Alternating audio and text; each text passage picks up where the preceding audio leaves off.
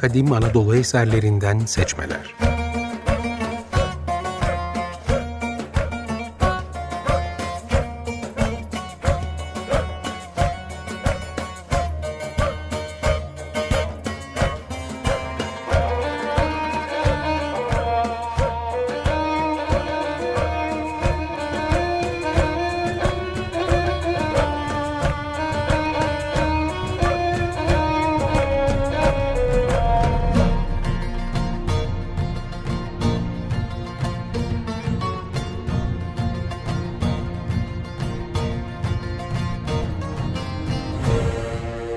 Hazırlayan ve sunan Haluk Mimaroğlu. Merhaba, ben Haluk Mimaroğlu. Bu hafta sizlere İzmirli Hesiodos'un Teogonia ve İşlerle Günler adlı birbiriyle ilintili iki eserini tanıtmaya çalışacağım. Azra Erhat ve Sabahattin Eyüboğlu'nun çevirisini yaptığı eserler İş Bankası Kültür Yayınları Hasan Ali Yücel Klasikler dizisinde yer almaktadır. İlki 1976'da yayınlanan bu kitabın 2021'de 19. basımı yapılmıştır. Kitap 3 bölümden oluşur.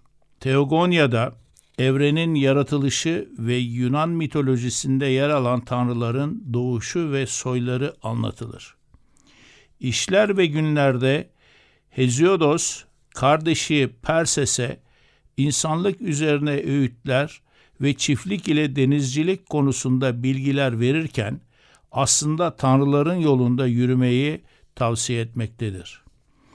Kitabın kaynaklar bölümünde de Azra Erhat'ın Hesiodos'a ve eserlerine ait incelemesi ve mitoloji sözlüğü yer alır. Öğretici yanı ağır basan bu eser, Yunan didaktik şiirinin bir örneği olarak kabul edilir.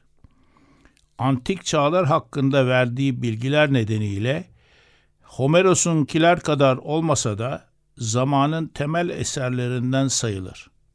Milattan önce 700'lerde yaşadığı düşünülen Ozan, eserlerini zamanın sözlü anlatımına uygun olarak hegzametron makamında şiir olarak yazmıştır. Teogonia 1000, diğeri 800 dize uzunluğundadır. Anadolu'nun İyonca lehçesi ile yazılmıştır. Heziodos aslen Egelidir. Eserinde yazdığına göre Kumeli yani İzmir Ali Ağalı denizci bir aileden gelmedir. Ailesi geçim sıkıntısı nedeniyle Yunanistan'a göç edip çiftçilik yapmaya başlamıştır. Milattan önce 700'lerde Hesiodos'un yaşadığı ve eserin yazıldığı dönemde Anadolu Asya'dan gelen Kimmer kavimlerinin istilasına uğramıştı. İç Anadolu'nun Kızılırmak yöresindeki Hitit kalıntısı yerleşimler işgal edilmiş, Sakarya havzasındaki güçlü Frigya devleti yıkılmıştı. Anadolu'da hakim olan binlerce yıllık düzen yok olmuş, yeni arayışlar başlamıştı. Muhtemelen Orta Anadolu'daki bu karmaşadan kaçan yazıcılar, ozanlar, rahipler, zenginler, asilzadeler Ege kıyılarına göçmüş, oraya yerleşmiş ve kadim kültürlerini de beraberlerinde getirmişlerdi. İleride göreceğimiz gibi bu eser de kadim Anadolu ve yakın doğu kaynaklarından esinlenmiştir. Ege kıyılarında kurulmaya çalışılan şehir devletlerini bir arada tutacak bir inanç birliğine ihtiyaç vardır. Eserlerin bu birliği pekiştirmek için yazıldığı düşünülmektedir. Kaynaklara ve kanıtlara değinmeden önce bu eserler hakkında kısa bilgiler vermeye çalışacağım. Homeros'un eserlerine başlarken Musalara seslendiği gibi Heziodos da sözde ilham perileri ile başlar. Helikon'un yamaçlarında koyun güderken dünyanın yüz karası zavallı bir yaratık iken Güzel bir dal verdiler bana asa diye. Sonra tanrısal sesler üflediler içime. Olacakları ve olmuşları yüceltmek için diyerek öncelikle tanrılar tarafından vazifelendirildiğini belirtir Ozan. Çobanlık binlerce yıldır yakın doğunun ilahi geleneğidir. Asalar, kralların ve ozanların insanları gütmek için tanrılardan aldıkları gücün simgesidir. Vazifeleri insanları yola sokmak ve tanrı yolunda yürütmektir. Musalar, tanrıların ve insanların babası Zeus'un kızlarıdır. Dokuzdur sayıları, adları Kleo'dan başlar, Kaliope'dir başkanları. En büyük ve en güzel tanrının Zeus'un sözcüsüdürler. Kralların Zeus'tan geldiği gibi yeryüzündeki ozanlar da Musalardan gelir. Böylece Musalar baş tanrı Zeus'un sözcüsü, Heziodos da Musaların sözcüsü olmuştur. Artık Heziodos'un dudaklarından bal akar, eski destanları anlatır, tanrıları över. Ozan'ın dilinden Musaları dinleyen insanlar dertlerini unutur, şenlenir. Öğrenirler nasıl doğdu tanrılar, toprak, ırmaklar, engin denizler, pırıl pırıl yıldızlar, sonsuz gökler. Böylece tanrılardan aldığı yetkiyle başlar ozanımız evrenin ve tanrıların oluşumunu anlatmaya. Hepsinden önce kaos yani boşluk vardı. Derken Gaia yani toprak ana var olur. Toprak kendine eşit Uranos'u yani gökü yaratır kimseyle birleşmeden. Sonra Eros aşk tanrısı birleştirir toprak ana ile yıldızlı gökü. Bu birleşmeden on titan ve son olarak Kronos doğar doğmasına. Ama en belalısıdır tanrıların. Aklına koyar babasının yerini alacaktır. Anasının verdiği çelik tırpanla kesip alır hayalarını.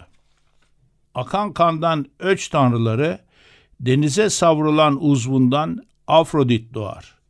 Böylece kavgayla, dövüşle uzar gider tanrıların öyküsü. Kronos'un babası Uranus'u yerinin aldığı gibi Zeus da babası Kronos'un yerini alır. Artık yerin ve göğün tek hakimi Zeus'tür. Diğer tanrı ve tanrıçaların görevlerini belirler. Kimisi aşktan yanıdır, kimisi savaştan, kimisi barıştan, haktan, adaletten. Kimisi de insanlardan yanadır. Prometheus da insanlardan yanadır. Zeus'un kızıp insanlardan sakladığı ateşi insanlara geri vermiştir. Ama Zeus kincidir, affetmez kandırılmayı. Ateşe karşılık çamurdan güzel bir kız yaratır. Süsler, püsler, altın çelenk koyarlar başına. Ama koyarlar içine de tilki huyu, köpek yüreği, göğsüne de yalanı dolanı sararlar insanoğlunun başına belayı. İşte böylece günümüze kadar gelmiştir Pandora'nın kutusu, Gaia'nın kuyusu, Prometos'un çilesi, Atlas'ın, Artemis'in, Eros'un, Afrodit'in, Herakles'in ve daha nicelerinin hikayeleri. Artık Ozan'a düşen görev, büyük tanrının yolundan gidilmesini öğütlemektir. Heziodos ikinci eseri İşler ve Günler'de yine Zeus'e evgüyle başlar sözüne. İnsanları ünlü de kılar, ünsüz de bırakır. Şanlı da yapar, şanssız da. Güçsüze güç verir, güçlüyü ezer. Mağrur başları eğdirir, alçak gönülleri yüceltir. Kamburu dimdik eder, dimdik olanı kambur eder der Zeus için. Şimdi kısa bir müzik arası verelim. 95.0 Açık Radyo'dan Kadim Anadolu eserlerinden seçmeler programındayız. Kısa bir aradan sonra kaldığımız yerden devam ediyoruz. Ama Zeus'u kızdırmaya gelmez. Pandora'nın hikayesini tekrar anlatır. Dertsiz, kaygısız, hastalıksız dünyaya salar insanların başına acıları, dertleri, salgınları, ölümleri der. Zeus'a karşı gelinemeyeceğini vurgular. Ölümlü insan soylarını Olimpos tanrıları yaratmıştır der. İnsanların ilk soyu altındandır. Tanrılar gibi kaygısız, dertsiz yaşarlardı. Uykulara dalar gibi ölüp toprağa karışınca toprağı ve insanı koruyan cin olur derdi. İkinci soy gümüşten yaratıldı. Çılgın, ölçüsüz, tanrılara saygısızdılar. Zeus kızdı onlara, gömdü onları toprağa, yeraltı cinleri oldular der. Üçüncü soy Dunç, Tunç'tan yaratıldı. Güçlü, kuvvetli, saldırgan, korku salan bir soydu. İşleri güçleri saldırmak, öldürmekti. Evleri, silahları, kazmaları Tunç'tandı. Kendileri yok olup gittiler bu dünyadan, der ozanımız. Belki de çağlar boyu insanlığın evrimini anlatmaktadır bu dizeler.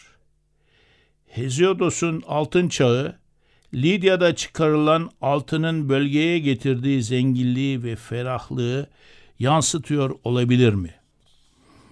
Yaygın olarak çıkartılan gümüş madeninin de Ozan'ın dediği gibi gümüş çağında insanlığın yozlaşmasına sebep olmuş olabilir mi?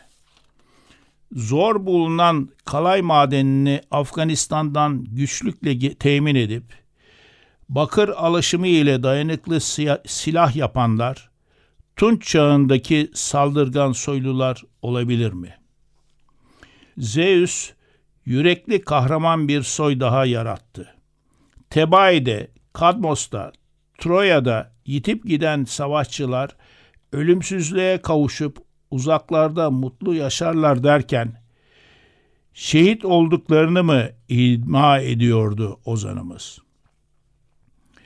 Ama artık içinde bulunan zaman demir çağıdır.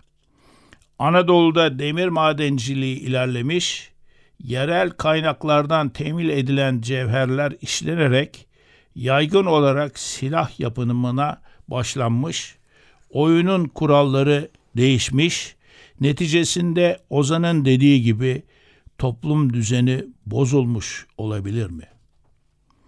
Anne babaya, Tanrı'ya saygı kalmamış, karınlar açtır. Yeminleri değersiz, doğruyu, iyiliği bilmez, kötülerin, azgınların, güçlünün, vicdansızın çağıdır bu çağ. Ama Ozan bu duruma dayanamaz. Bir gün gelecek Zeus bu insan soyunu da yok edecek diyerek tanrıların yolundan çıkan insanoğlunun içine ölüm korkusunu mu salmaya çalışmıştır?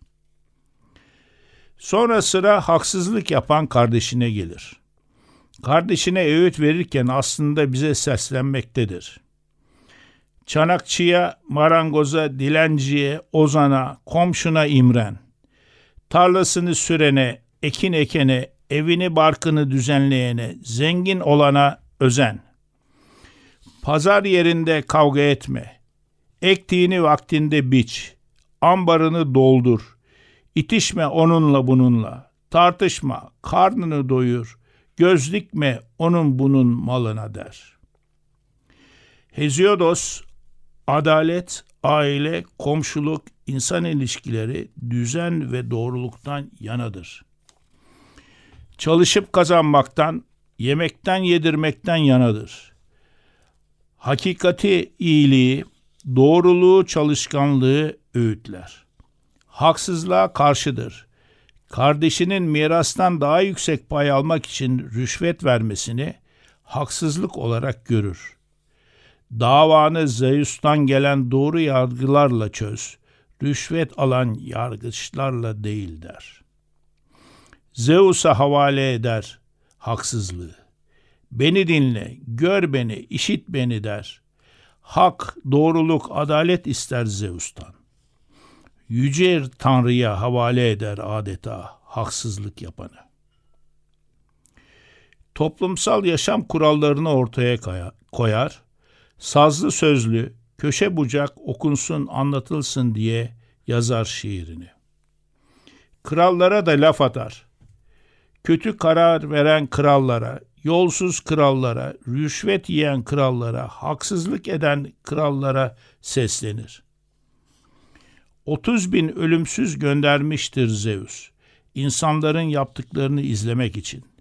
Her şeyi bilen, her şeyi gören Zeus. Görmek isterse gözünden kaçmaz olan biten. Özop'un atmaca ile bülbül hikayesinden yola çıkarak güçlülerin gücünü göstererek yönetmesinin iyi sonuçlar doğurmayacağını anlatır krallara. Tanrılara itaat edilmezse, tanrıları kandırmaya çalışırlarsa başlarına felaketler geleceğini haber verir insanlara. Büyük Tanrı'dan ateşi çalan Prometheus'un başına gelenler, Pandora'nın kutusundan saçılan kötülükler hep bu yüzdendir. Krallara, zorbalara haksızlık yapan kardeşine seslenerek doğruluktan yana ol, aşırılığa kaptırma kendini. Haklı kazanır eninde sonunda. Doğru yoldan ayrılmayanların yurtları uygarlığa kavuşur. Mutlu olur insanları, barış gelir ülkelerine, açlık kıtlık gelmez. Bol bol meyveleri olur bahçelerinde. Dağlar meşe dolar, arılar, koyunlar, yünler dolar taşar. Bolluk içinde yaşarlar. Bereketli yurtlarını bırakıp gitmezler der. Ama ölçüyü kaçıran, kötü yola sapan kişileri Zeus cezalandırır. Kent yıkılır, bela, veba, kıtlık iner göklerden. Kadınlar doğurmaz, ordular bozguna uğrar, donanmalar duman olur der. Sonra komşularla iyi geçinmekten, ev ve aile kurmaktan, tarla işlerinin nasıl yapılacağından, denizlerde nasıl yolculuk edileceğinden söz eder. Çeşitli konularda öğütlerle sözüne devam eder. İş yapmak için uygun günleri sayarak eserini tamamlar. Binlerce yıllık insanlık tarihinin içinden süzülerek gelen bu bilgileri Hesiodos'un tek başına toparlayıp yazdığını düşünemeyiz. Papyrus tomarlarının Mısır'dan, ceylan derisinden sayfaların Bergama'dan geldiği çağlarda kağıdı kalemi nereden bulup buluşturduğu belli değildir. Yazdıklarının asırlarca nasıl korunup ister İskenderiye kütüphanesine ulaştığı belli değildir. Bunu tekrar söyleyeyim. Yazdıklarının asırlarca nasıl korunup İskenderiye kütüphanesine ulaştığı belli değildir. Bu eserin ve yazanın arkasında büyük bir birikimin ve gücün var olduğu inkar edilemez. Bu eserin sadece Helenlere ait olduğundan da söz edilemez. Günümüze Hesiodos'a ait 64 adet el yazması ulaşmıştır. Hristiyanlık nedeniyle batıda gözden düşen eserin mevcut yazmaları çoğunlukla 1400'lerde Konstantiniye'de çoğaltılan yazmalardır. Bu el yazmalarından yola çıkarak Martin West, Teogonya'nın aslına yakın çevirisini 1966 yılında yayınladı. Teogonya'nın çevirisinde Helen edebiyatının aslında yakın doğu edebiyatı olduğunu öne sürerek yeni tartışmalar başlattı. Ortak kelimeler ve gelenekler, metinlerdeki benzer formüller, sayı ve ölçülerdeki benzerlikler, müzik aletleri ve makamları, zenginliğin tarifi, tanrıların dağ başlarından hükmetmesi, sunulan kurbanlar gibi yakın doğu ile benzerlikler taşıdığını öne sürdü. Elbette binlerce yıllık inançlardan ve geleneklerden süzülerek yazıldığı anlaşılan Tanrıların Doğuş hikayesi bir gariban çobanın ilham perilerinden aldığı asa ile yazılmaya başlandığı düşünülemez.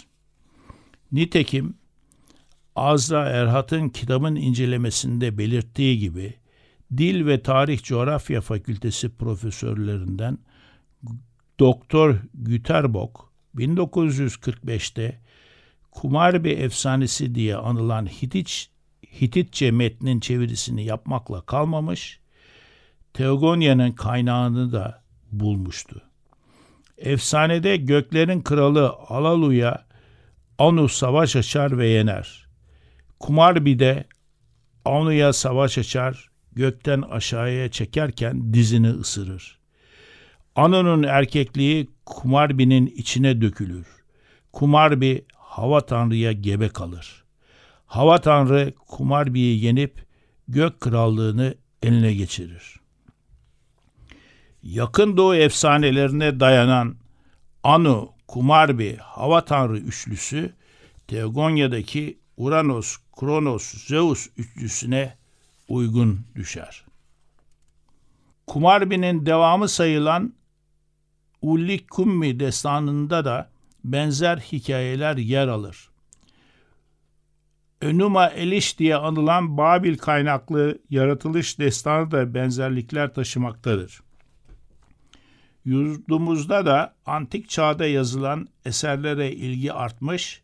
Mesela Pamukkale Üniversitesi Edebiyat Bölümünden Doktor Meltem Uzunoğlu'nun 2020'de yayınlanan bir makalesinde Teogonya'da eterkil yaklaşım irdelenmişti. Makalede kuzeyden atlarıyla oklarıyla gelen istilacı ataerkil kavimlerin tesiriyle erkek tanrılara öncelik verildiği, Anadolu tanrıçalarının arka planına itildiği anlatılmıştır. Teogonya ile kadın erkek, düzen düzensizlik, medeniyet barbarlık ikilimi yaratılıp Zeus'un ateerkil toplumun evrenin dengesinin ve ilahi adaletin kurucusu ve koruyucusu olarak toplumun aklına yerleştirildiği vurgulanmıştır. Son yüzyıllarda Batı edebiyatında yeniden gündeme gelen ve ülkemizde de araştırmalara konu olan antik çağın bu eşsiz eserini size de tavsiye ederken değerli katkıları için arkadaşım Levent Başar'ına bu vesileyle tekrar teşekkür ederim. Bir sonraki programda Midillili şair Safo ve çağdaşları ile buluşmak üzere hoşçakalın.